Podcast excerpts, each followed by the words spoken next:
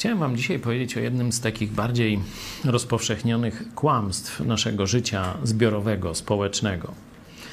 Otóż e, często, będąc w dużych e, projektach złożonych, Polacy nie przykładają się do swojej działki. Myślą, a zrobię byle jak, przecież to i tak w tej całej masie nikt nie zauważy, jakoś to pójdzie, przejdzie i tak dalej. W ten sposób każdy z nas bierze udział, każdy z nas tak myślący bierze udział w podcinaniu fundamentu naszego wspólnego jakiegoś przedsięwzięcia.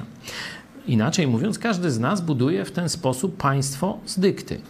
I kiedy sytuacja jest w miarę spokojna, to rzeczywiście to może funkcjonować. Ale w sytuacji jakiegoś naporu, jakiegoś kryzysu, to właśnie te słabe miejsca wszystkie dadzą o sobie znać i projekt się zawali.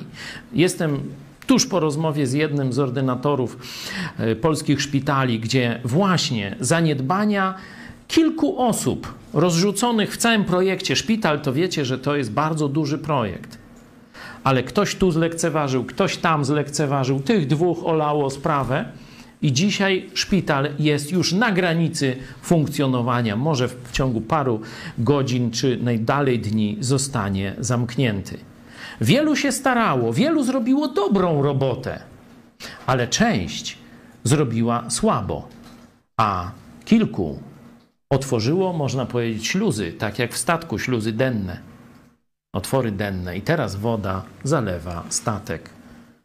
Warto, żebyśmy pamiętali, że Polska to nie jest nasza jakaś taka prywatna sprawa, że zbudujemy sobie domek z ogródkiem i reszta mnie nie obchodzi. Nie. Jeśli zrobisz swój domek z ogródkiem, ale nie zadbasz w tym projekcie wspólnym, jakim jest całe państwo, żeby swoją robotę zrobić dobrze i ten koło ciebie, żeby zrobić dobrze i tak dalej, to kiedy przyjdzie kryzys, to całe państwo runie, także na twój dom z ogródkiem.